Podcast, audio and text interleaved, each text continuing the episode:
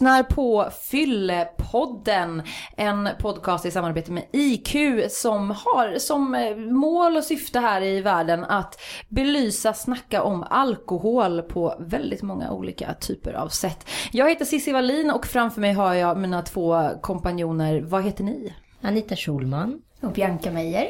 Och Bianca, du brukar ju få den stora äran att eh, presentera dagens, eller veckans ska jag säga, gäst. Vem har vi att göra med idag? Idag så är vi stolta att presentera Noppe Levenhaut som driver medlemsklubben eh, Noppes. Den här Stockholmsklubben som är väldigt sådär mytomspunnen. Mm, där har jag varit full några gånger. Har du det? Det kanske inte ens Noppe ja. vet om. Jag, jag, jag, jag, har inget kort själv, jag har blivit så medbjuden av någon mystisk person någon gång. Jag har också varit där en gång. Jag tyckte att det var superspännande då. Ja, Just eftersom den är så mytomspunnen så blir man ju glad när man får slinka in. Absolut. Eh, blir vi portade nu i frågan när vi säger att vi har varit där? Kanske det kanske man inte får prata om. med. Okay. Inte bli portad ifall man inte är medlem, eller? Ja, det eller? Nej, just det.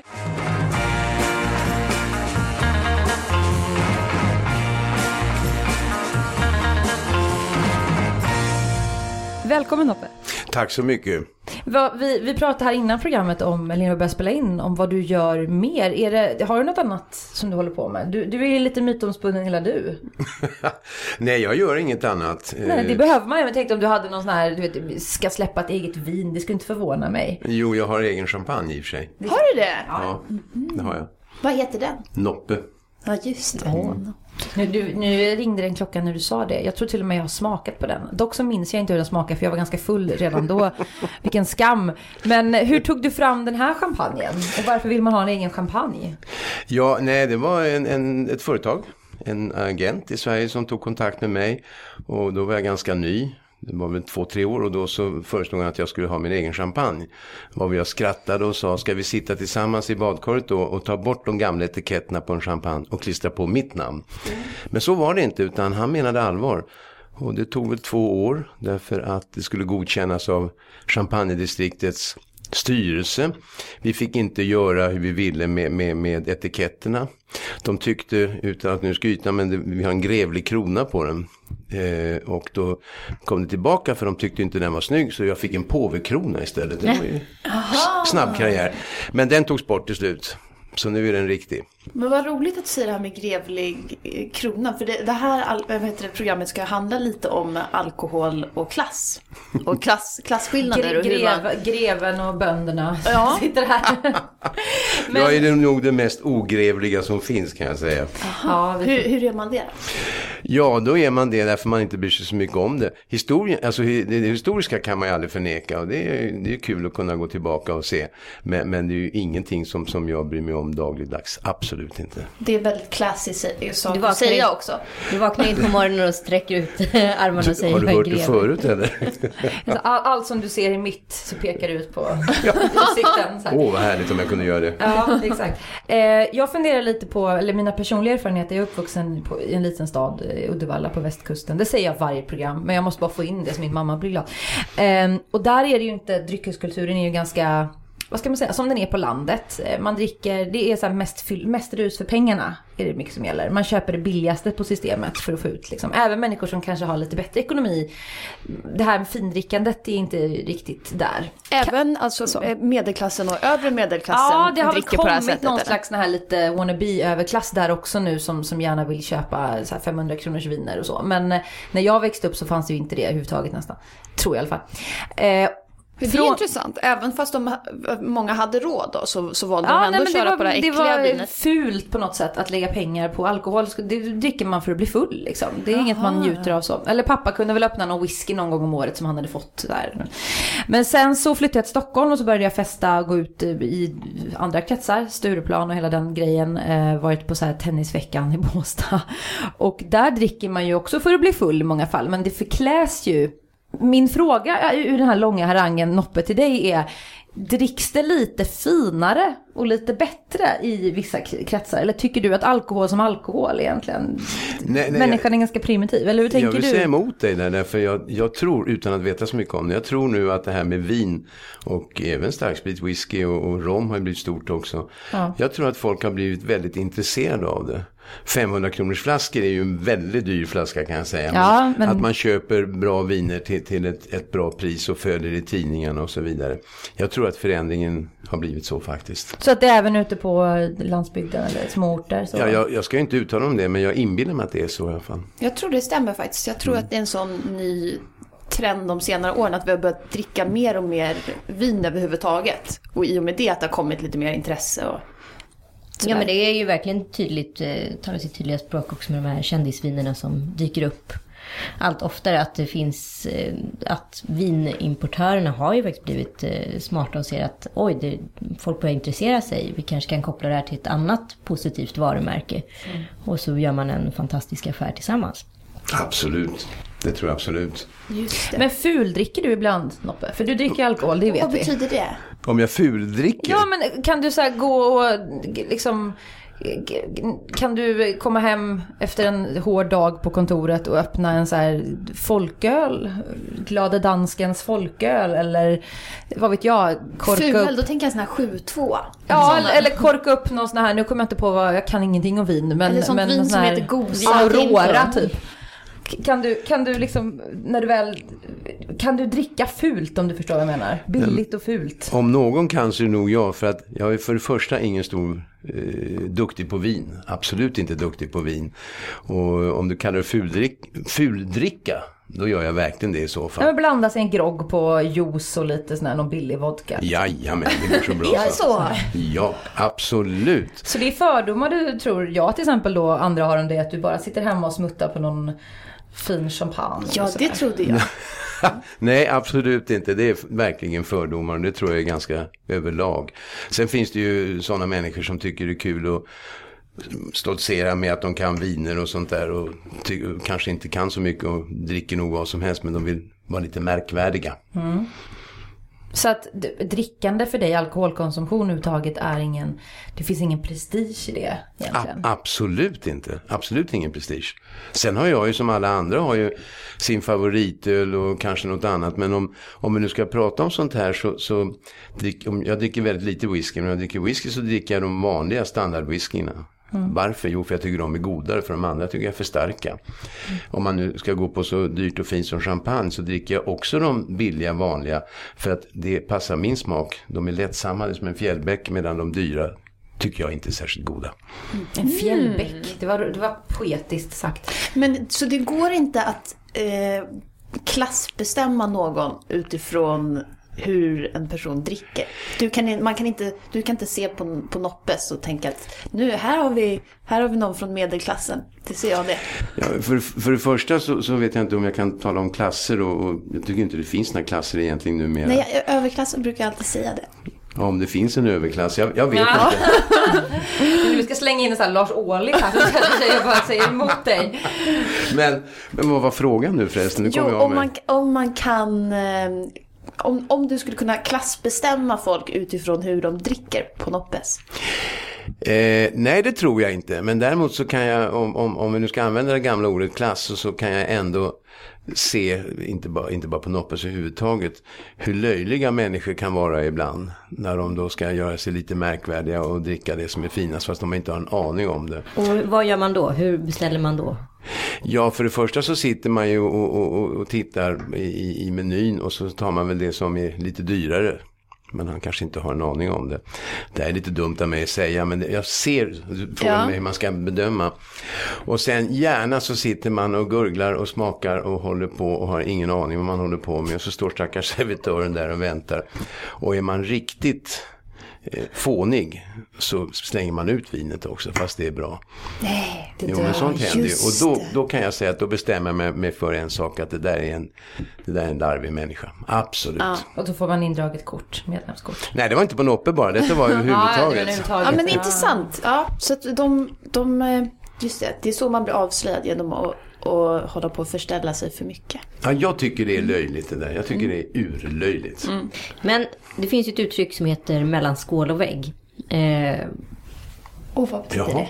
Nej men att, vad jag... Du blir helt tyst Nu här. blir det tyst här och nu blir jag också så här Det har jätteosäker. Anita kommit på själv här nu Nej innan. men mellan skål och vägg är liksom att man, man talar inte om någonting som man pratar om i rummet förutom det som sker mellan väggen och skålen. Alltså Ah, Mellan förstår. fyra, fyra ögon eller Ja. vad man nu säger. Eh, och jag får i alla fall intrycket av, och det här är kanske min fördom, att det finns ett annat fokus på alkohol beroende lite på vilken ort eller eh, socialt sammanhang eller klassammanhang man kommer ifrån. Att det i överklassen så vill man inte liksom riktigt låtsas om att man vill bli berusad. Under tiden i Åkersberga exempelvis. Så, Där är det mest rus så är pengarna. det, så är det liksom, där är det liksom syftet med middagen eller festen kanske, att bli berusad. Jag tror nog att, att i många fall så är det likadant överallt. Att ikväll ska jag ha kul och då vill jag ta mina rackare.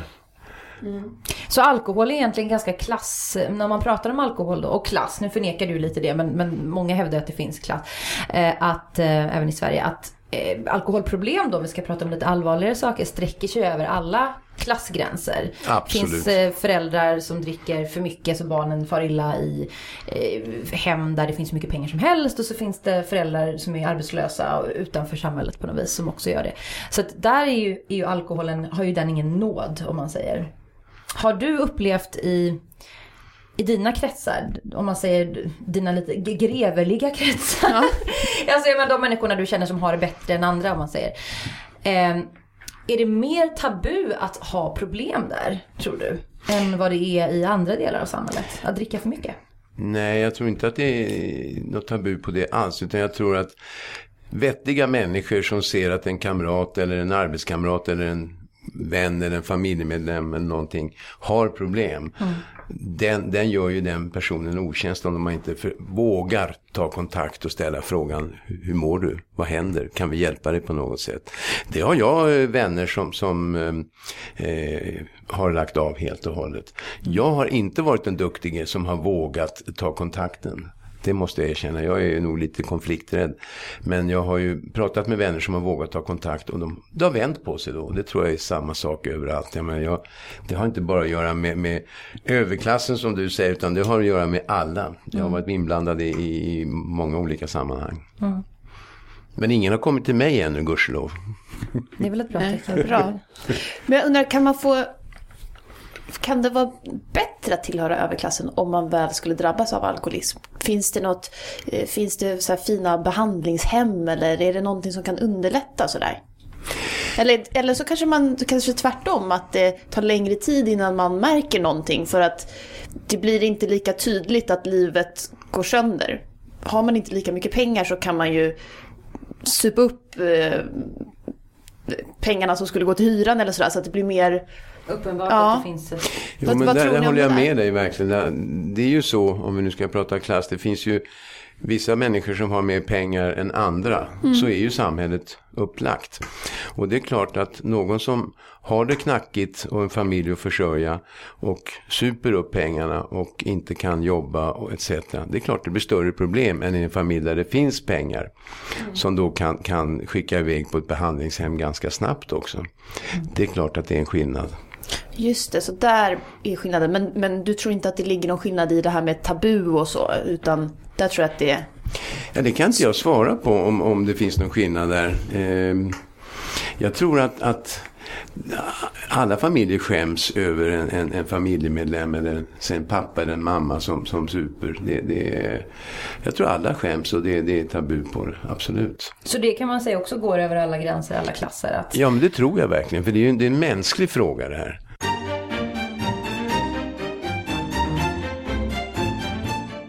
Visste du att svenska folkets attityder till alkohol har blivit mer återhållsamma under senare år?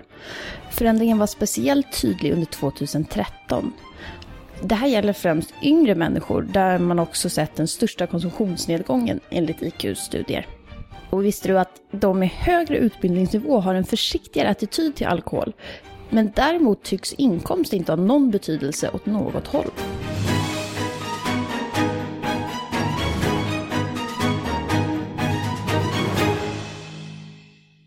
På, eh, på din medlemsklubb, Noppes. Vad har ni för, eh, den är lite mytomspunnen så, men vad har ni för policies eller vad ska vi säga oskrivna regler kring berusning?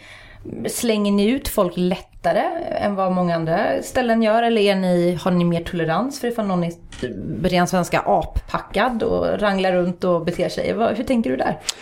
För det första så lever vi ju eh, efter precis samma lagar som alla restauranger gör i Sverige. Och det, det är myndigheterna som bestämmer vad som handlar om, vad det handlar om där med överservering och, och sådant. Mm. Eh, jag tror att vi har det lite enklare i och med att det är en medlemsklubb. Och det betyder att eh, bartendrarna känner ju många av våra medlemmar och kan deras vanor. Mm. Och även om de inte känner deras gäster så kan de ändå prata med dem och på ett mycket vänligt sätt säga att det är nog dags för vatten nu. Det är klart att hos oss händer också att någon kan bli förbannad och vill ha mer och så vidare. Mm. Men visst, vi plockar ut folk som är, är, är, är för berusade. Eh, absolut. Och, men, men vi ser ju till att de kommer in i taxibilar och sånt. Vi lämnar dem inte utanför på något sätt. Jaha, vad trevligt. Man blir lite omhändertagen. det har ju lapp runt halsen så här. Ska den här adressen ja. få en hundralapp så här. Betala chauffören. Är du där varje dag?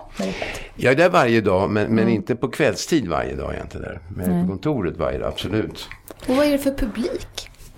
Jo, Hur blir man medlem? Ja, för det första är jag stolt över, över våra medlemmar därför att jag har varit noga med från början att det här ska inte bara vara mina gamla barndomsvänner. Då hade vi inte, hade vi inte överlevt, det kan jag lova. För de är så gamla allihopa som jag, så de går inte ut.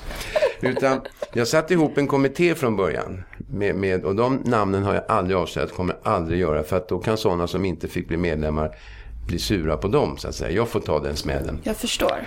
Men medlem blir man då, eller till att börja med så valde vi ut då, från härifrån till dit, åldrar, olika yrken och så vidare valde vi ut folk så att säga och försökte göra en mix. För att få ah, som en kvot, att vi behöver 5% konstnärer. Ja, inte riktigt så, det Nej. gick ju inte. Men vi försökte i alla fall göra det. Och därmed i den här kommittén satt ju folk då som, som fanns i de här olika yrkeskategorierna också. Mm. Och kunde då uh, säga, alltså, när jag säger bra folk då menar jag att det är inte så lämpligt att få in någon som har problem med alkohol och kan bli, bli eh, störig och bråka och börja slåss och sånt. Det, det, det, det eller någon som typ eh, håller på med att tvätta pengar eller dealar knark eller något. Det är inte heller så bra. Det är inte så lyckat, Kanske. nej. Men då gör vi så att, att sen då, nu, nu är det svårt att bli medlem för nu har vi så pass mycket medlemmar och ganska mycket kö. Men, ja, det är kö också? Ja, det har vi. Aha. Ja, vi, vi, har ingen, ingen kö för att vi säger inte att det är en kö. Så att du, nu sa du, du precis det, jo. så nu har du avslöjat det. Så nu kommer du få jättemycket till här. Jag vill ställa mig i kön. Nej, det finns ingen kö. För att Nej, han får tillbaka. Det, det finns en låda med namn kan vi säga. Ja. Och, och, så att det är så. Och sen försöker vi fördela det på bästa sätt. Och när de här Östermalmsmänniskorna dör, då får ett nytt namn dras ur lådan. Är det så? Ja, inte bara Östermalmsmänniskorna, utan det är ju folk Nej, från, från överallt. Du måste berätta, jag, jag, vet att du sitter på massa härliga historier från massa olika eh, decennier. Och hur ledde det fram till själva nattklubben? Jo, det, det ledde fram till att jag har jobbat inom varuhusbranschen i New York, London, och så vidare. Sen jobbade jag inom skönhetsbranschen konstigt nog, det kan man inte tro, men det gjorde jag. Och så vidare. Och sen startade jag Sveriges första callcenter. Mm, och sen sålde jag det. Eh, vilket var bra för att det kom någonting som heter internet flygande och farandes efter tio år.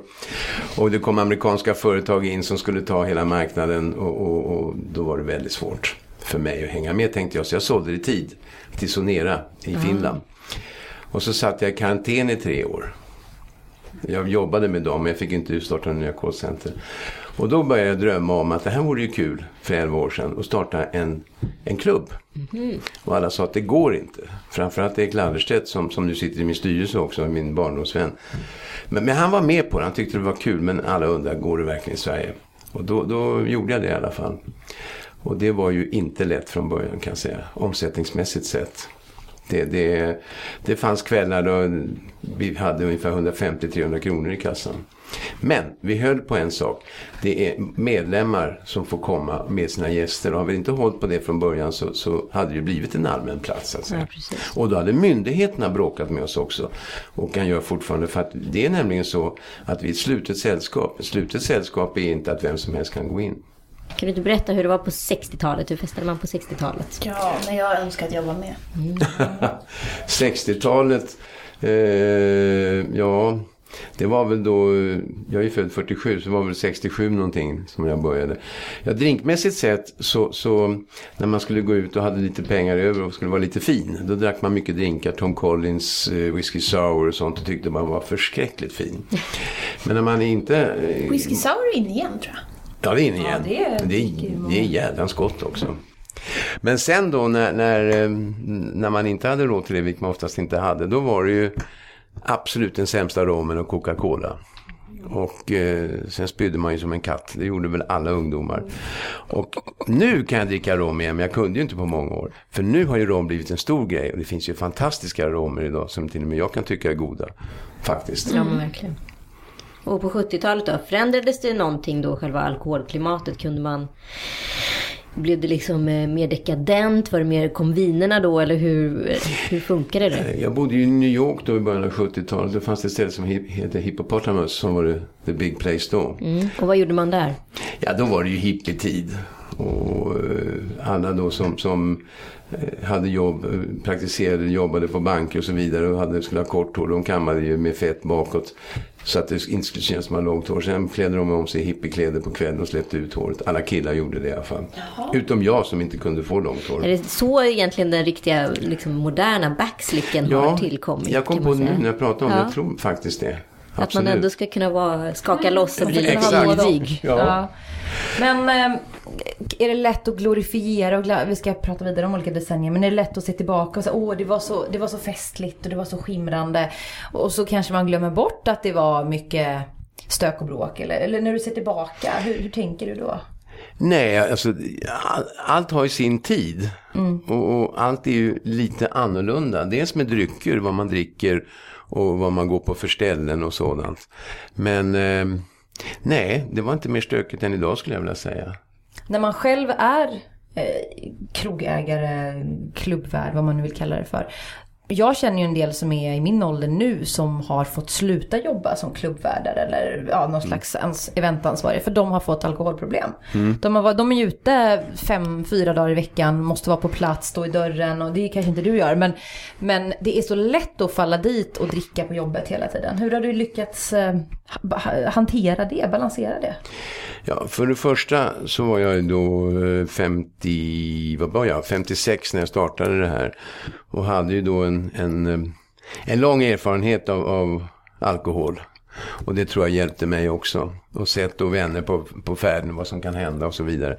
Det är det första. För det andra så jobbar jag inte i, på det sättet. Så jag är där, vi stänger ju klockan två för det första och inte klockan fem.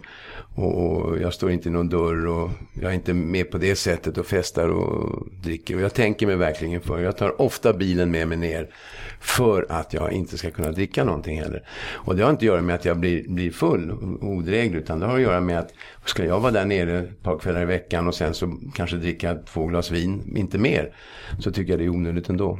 Mm. Ja, då har du ganska restriktiv. Jag är väldigt restriktiv. Sådär. Jag dricker inte till vardags överhuvudtaget.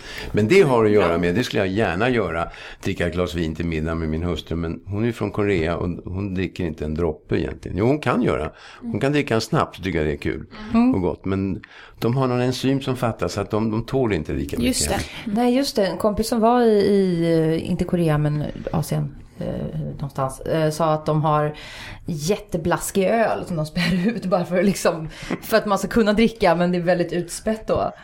Det blir, hört, tänk tänk så här, svenska vikingar som kan hälla i sig liksom en, en kvarting själv åker dit och bara vad är det här? Total kulturkrock. Men vad tycker hon då om den, hon har bott i Sverige ganska länge antar jag. Ja. Vad tycker hon om den svenska alkoholkulturen? Var det en chock för henne? Eller? Nej, inte alls. Jag har ju varit i Korea flera gånger och det dricks ganska hårt där nere kan jag säga. Alltså trots det. Trots det, ja. Absolut.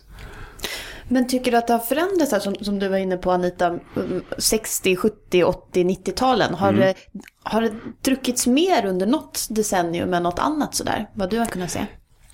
Nej, med åldern, med ålderns rätt jag säga, men jag tror att det har med åldern att göra. Jag upprepar fortfarande att jag är 67 år och mina vänner som då umgås mera hemma numera med, med middagar och sånt. Och, och, och eh, sitter hemma och äter middagar och sånt. De dricker ju vin i stort sett varenda dag tror jag. Även om de bara dricker ett glas eller två. I alla fall bland mina vänner när vi var yngre inte gjorde vi det. Men, det, men mina föräldrar gjorde ju också det. Så att jag tror, det där tror jag har med åldern att göra. Absolut. Men det påstås ju också att eh, just det här varje dag-drickandet har ökat. Att man inte längre kanske går ut lika hårt fredag och lördag som man har gjort tidigare. Att det har också gått ner i åldrarna.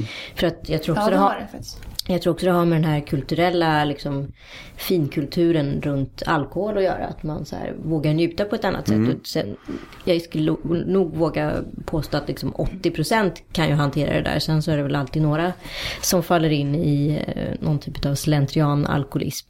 Ja men just bland, eh, bland äldre. Alltså 65 plus då som pensionärer. Du är inte pensionär men Jo. Är du det? Ja, jag har pension i alla fall. Jag är ju 65. Jag har Ja, ja, pension. men jag tänker du jobbar ju fortfarande. Ja, det gör jag. Ja. Så att du är, vad ska man säga, fuskpensionär. Ja. Men där är det ju, har det kommit larm från statens håll, från Folkhälsoinstitutet och sådär att eh, många, inte alla, men många pensionärer utvecklar ett riskdrickande för att man blir uttråkad, man blir ensam kanske i många fall, man blir isolerad. Och då tar man till liksom flaskan eller bag-in-boxen och går och kranar hela tiden. Och sådär. Den gruppen pratar man ju inte så mycket om. Det är ofta man pratar med ungdomar som har Ja, men problem. de märks ju inte lika mycket. Så det är nog. Nej, vad, vad tänker du om det? Nej, jag tänker för första bag-in-box, det, det är ju ganska farligt för det, man har ingen koll på, om man har en flaska framför sig så ser man om man har druckit halva och kan vara nöjd med det. Men den där har man ingen aning utan det är bara att tuta på hela tiden. Sen är det väl det också att, att det är inget försvar för oss pensionärer, men jag gör ju inte så här. Men ändå, jag tror att eh, har man jobbat hårt hela sitt liv och sen så dör den ena parten till exempel och man, man ser inte så mycket av sina barnbarn och barn för de bor i Göteborg eller man bor i, Stock, man bor i Stockholm själv. Och då kan det väl bli så att det blir ganska tråkigt och man har ingen tid att passa nästa dag och man behöver inte vara pigg och fräsch för att göra ett jobb. Kan det bero på det kanske? Jag vet inte. Ja, det tror jag. Säkert. Att man kostar på sig det då? Absolut, det är ju sommardygnet, eller året om höll jag på att säga. Ja, precis. Ja, det är sommar hela tiden. Ja. Absolut. Men en annan sak nu, just det, förlåt nu lämnar jag lite ämnet här, men eh, när man har medlemsklubb, det vore ju också en, den perfekta, också som gäst på en medlemsklubb, eh, den perfekta kamouflagen för att faktiskt ha ett missbruk. För att där eh, kan man sköta det ganska snyggt. Det är inte så många som behöver veta det. Menar du då i egenskap av, av ägare? Nej, som inte som ägare utan som gäst. Att man... Ja, för att alla kan inte komma in. Du tänker att man är mer Exakt, anonym att man är där. mer anonym. Man, är, man kan också välja att liksom, ja, gå dit och ta sig en, ett glas efter Jo. jobbet och ingen ser. Jo, jag tycker nästan man kan jämföra det med England med den lilla lokala puben i någon ort ungefär. Eh, därför vi har ju väldigt många olika stamgäster. Några som kommer när vi öppnar, kommer från sitt kontor och så tar de sin, sin lilla drink, läser en tidning, pratar med några. Kanske äter något litet och så går de hem. Och de skulle aldrig sätta sin fot senare på kvällen. Så har vi de som kommer eh, senare. Så att eh, jag tror man kan jämföra det med en lokal pub i England. Ja. Men där kanske också, om man ska vända på det, att man även har mer koll på varandra. Att man bryr sig om varandra. Är det någon som man märker har problem så blir inte den personen lika anonym där. Just det, då kan man ju upptäcka om det man istället. sitter på en random uteservering på hela sommaren och blir full. Eller, Du, du, du har absolut helt rätt. Och, och, eller finns det en sån, rår man om varandra så? Ja. Att man ser att det där, nu börjar det gå lite, nu har du varit här lite väl mycket och druckit lite väl mycket min ofta. personal gör det. Ja, Bra. De, de, eh, de har pratat eh, lite allvar med, med några som de har upptäckt att det här håller på att gå käpprätt åt helsike. Vad modiga de är. Ja, det gör de. Men de, de allihopa har jobbat 7-8 år hos mig. Så att de har, och de är över 30 år. Så att de, de har ett mod och de har, de har inte blivit personliga vänner. Men de har ändå blivit vänner med, med många av de här människorna. Och sådana som då berättar att de har till exempel haft något problem så att de har lugnat, starka lugnande medel och sånt. Och då, då nobbar de till och med att de ska dricka. För då går det ju käpprätt åt helvete om man blandar starka lugnande medel med sprit. Jag är fortfarande så himla nyfiken, det har egentligen inte med alkohol att göra. Men jag är så nyfiken på hur, jag, du sa ju att ni har en kommitté som väljer ut eh, personer utifrån olika yrkesgrupper och sådär. Bianca Vad är, det väldigt sugen på att ingå i den Ja, här jag kommittén. vill också. Hur, vad är det för kriterier? Kan du avslöja någonting om vad man, vad man tittar på för att bestämma om en person får vara medlem och sådär? Ja, för det första så, så, så måste man ju lita på de två medlemmarna som rekommenderar en ny medlem. Eh, ofta så vet vi kanske vem den här personen är. Men när vi inte har en aning om vem personen är då, blir det, då måste man ju undersöka lite mer. Och då pratar vi med de här två medlemmarna och undersöker lite vad, vad det handlar om och vem personen är helt enkelt. Och det roligaste jag vet är när de säger, men han, bor ut, han eller hon bor utomlands så att eh, han kommer aldrig vara här så att det, det är inga problem. Du får din medlemsavgift.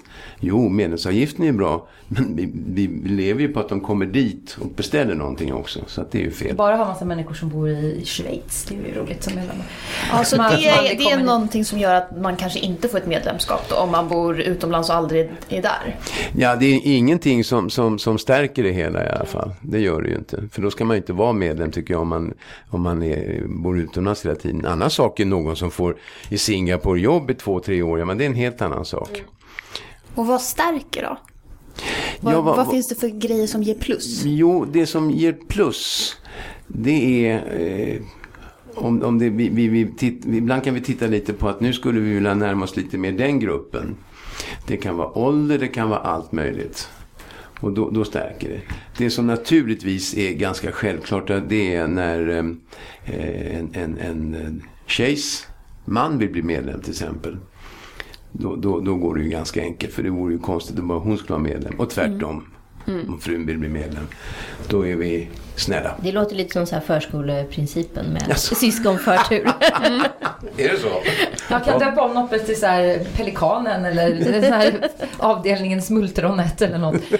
Men jag måste fråga dig Noppes, handen på hjärtat. Tycker dina kompisar, jämnåriga, som är 65 plus då, att du är lite patetisk som fortfarande rör dig så mycket? Ska vara den här partygubben och Ja men att finns det den, det snacket att nu, nu borde han lugna sig och börja liksom samla på konst istället eller något? Jag, jag är övertygad om att det finns. Jag, de har aldrig sagt det till mig för de är så snälla som säger att då tycker jag är lite tokig och konstig 6-7 år gammal. Tokig är, såna, det, det är som en omskrivning för, ja precis det är ungefär som när mäklare säger att någonting är charmigt. Det är så här, renoveringsbehov. Tokig betyder eh, nu får du lugna dig ungefär. Ja, Nej, det, det kanske inte jag skojar. Nej, men de, de, tycker nog att jag är lite egendomlig och undrar hur länge jag tänker hålla på. Jag säger att jag håller på så länge jag tycker det är kul. Och jag tyck, kommer tycka det är kul så länge jag är frisk och orkar. Absolut. Mm.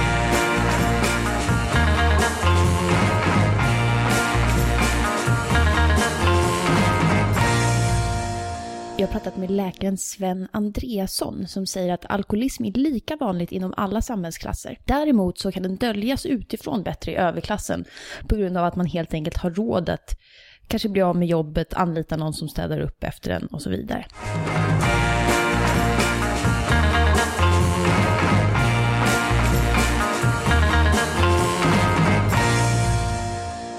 Vad tror du är de största fördomarna? Vi har ju ventilerat lite egna fördomar här nu. Eh, gentemot den, vad ska man säga, den krets du är förknippad med. Ja men så här, kungafamiljen, liksom, överklassen om man säger. Vad, vad är de största fördomarna kring, kring det och alkohol tror du? Folk Bra har? fråga.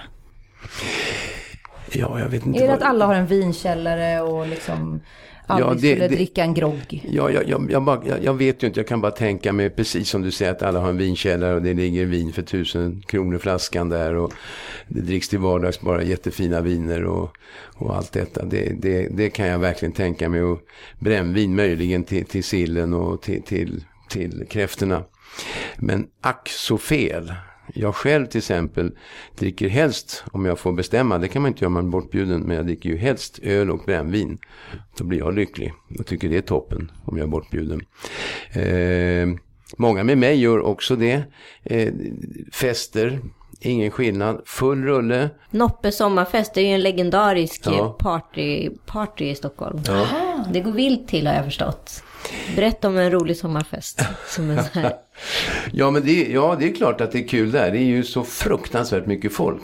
Och bra teman har jag förstått. Ja, bra teman och artister och, och det, det är alla glada och har kul och det är riktigt, riktigt rulle på de där festerna. Och det händer nog mycket som inte jag ser där. Eftersom det Finns det någon sån här legendarisk historia utan att nämna några namn som man så här vågar? Nej, det var väl förra året när jag hade Iprenmannen hade jag hyrt in där. Vad gjorde han? Ja, han, Delade ut Ipren till alla som skulle vara bakfulla dagen efter. typ. för det första är han en riktigt trevlig österrikare. Han är jättetrevlig. Ja, jag har träffat honom. Ja, han är riktigt trevlig. Han är väldigt kort. Ja. Och mycket trevlig och har humor runt det. Så vi klädde ut honom som Iprenmannen. Så jag stod med honom och tog emot gästerna. Och eh, han hade själv humor så han ställde sig på en stol och då var vi ungefär lika långa.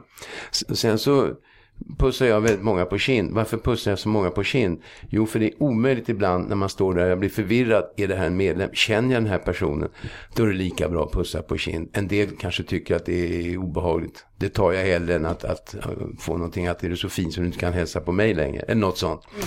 Men då börjar han pussa. Men han pussar inte bara på kind, utan han pussar dem på mun. Allihopa. Jajamän. Tvång- tvånglad, Lena man fick sig en stor puss på mun. Alla fick alltså puss på mun. Jag skrattade så jag dog. Det var någon som blev sur, men det, då tyckte jag det var ännu roligare i så fall. Tvångsupphånglad eller tvånglad som det heter. Av ja, av på stol, ja. Underbart.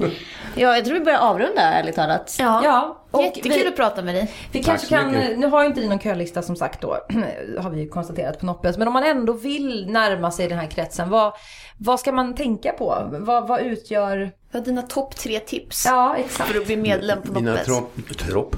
För det första ska man ha eh, två stycken som kan rekommendera en som man känner väl och som man vet eh, säger fina ord om en. Att man är, alltså fina ord är ju att, att, inte att, man är, att man är en fin person överhuvudtaget. Inte någon överklass, sånt det är inte det det handlar om alls. Som, som eh, kommer platsa in. Och varför platsar man in? Jo, det gör man för att man kan då umgås med folk och ha trevligt med folk. Just det, så man ska Man vara ska en inte social vara, ja, person. man ska inte vara social fobi, det är inte bra. Nej. Man måste och kunna föra sig. Ja, alltså föra sig har att göra med det. Det, det är ju rent bondförnuft att man, man kommer inte in dyngrak och, och börjar ragga på någon annans fru och såna här saker. Och håller på och avbryter andra samtal fast man inte känner dem och sånt. Men hos oss umgås ju alla väldigt intimt och, och trevligt. Men, men eh, ibland kanske ett gäng vill sitta ensamma och prata. Och vill inte bli uppvaktade. Eller att frun blir uppvaktad av någon. Det är lite så. Vanligt bondförnuft, ingenting annat. Det tycker jag låter som en, en bra strategi oavsett när man dricker. Sund, bon, bonnaförnuft. Ja, tycker jag är härligt att att avsluta det Varann här avsnittet med det ordet. Tack snälla. Ja, Tackar IQ också, Ja. såklart, som har gjort det här möjligt. tack IQ och tack Noppe för att du kom hit. Tack för att jag fick komma.